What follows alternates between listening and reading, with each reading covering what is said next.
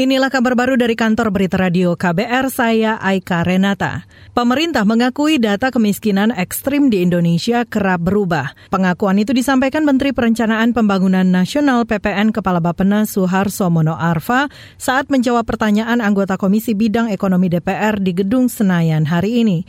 Suharso menyatakan bakal mengevaluasi penghitungan tersebut, namun ia tidak menjelaskan lebih detail soal apa saja yang akan dievaluasi mengenai kemiskinan ekstrim ini uh, memang mengenai standar cara perhitungannya itu memang jadi uh, PR kami karena banyak KL yang akan terlibat di sana yang sedang memang menjadi perhatian kami.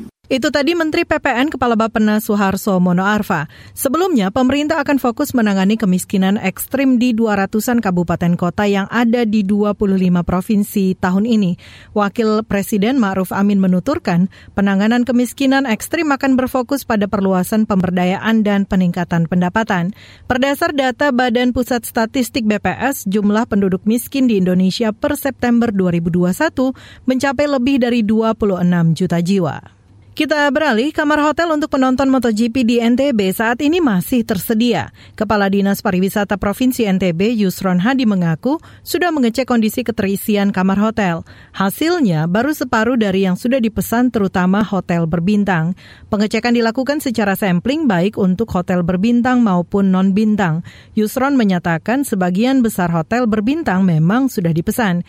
Karena itu nantinya para penonton balap motor akan diarahkan untuk menginap di homestay dan dan akomodasi sejenis. Tujuannya agar terjadi pemerataan terutama untuk pengelola homestay dan desa wisata. Kata dia, jumlah kamar hotel, homestay, dan camping ground yang siap digunakan sebanyak lebih dari 24 ribu kamar. Di sana terdapat rumah susun sebanyak 170-an kamar. Saudara, ajang MotoGP akan digelar di sirkuit Mandalika pada 18 hingga 20 Maret 2022.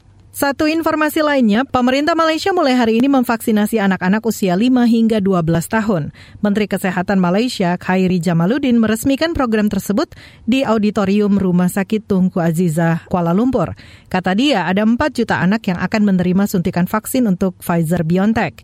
Mengutip antara news.com, dosis untuk anak ialah sepertiga dari dosis yang diberikan untuk orang dewasa. Jarak pemberian antara vaksin dosis pertama dan kedua adalah 8 minggu. Waktu dan informasi vaksinasi akan diinformasikan ke orang tua melalui aplikasi My Sejahtera.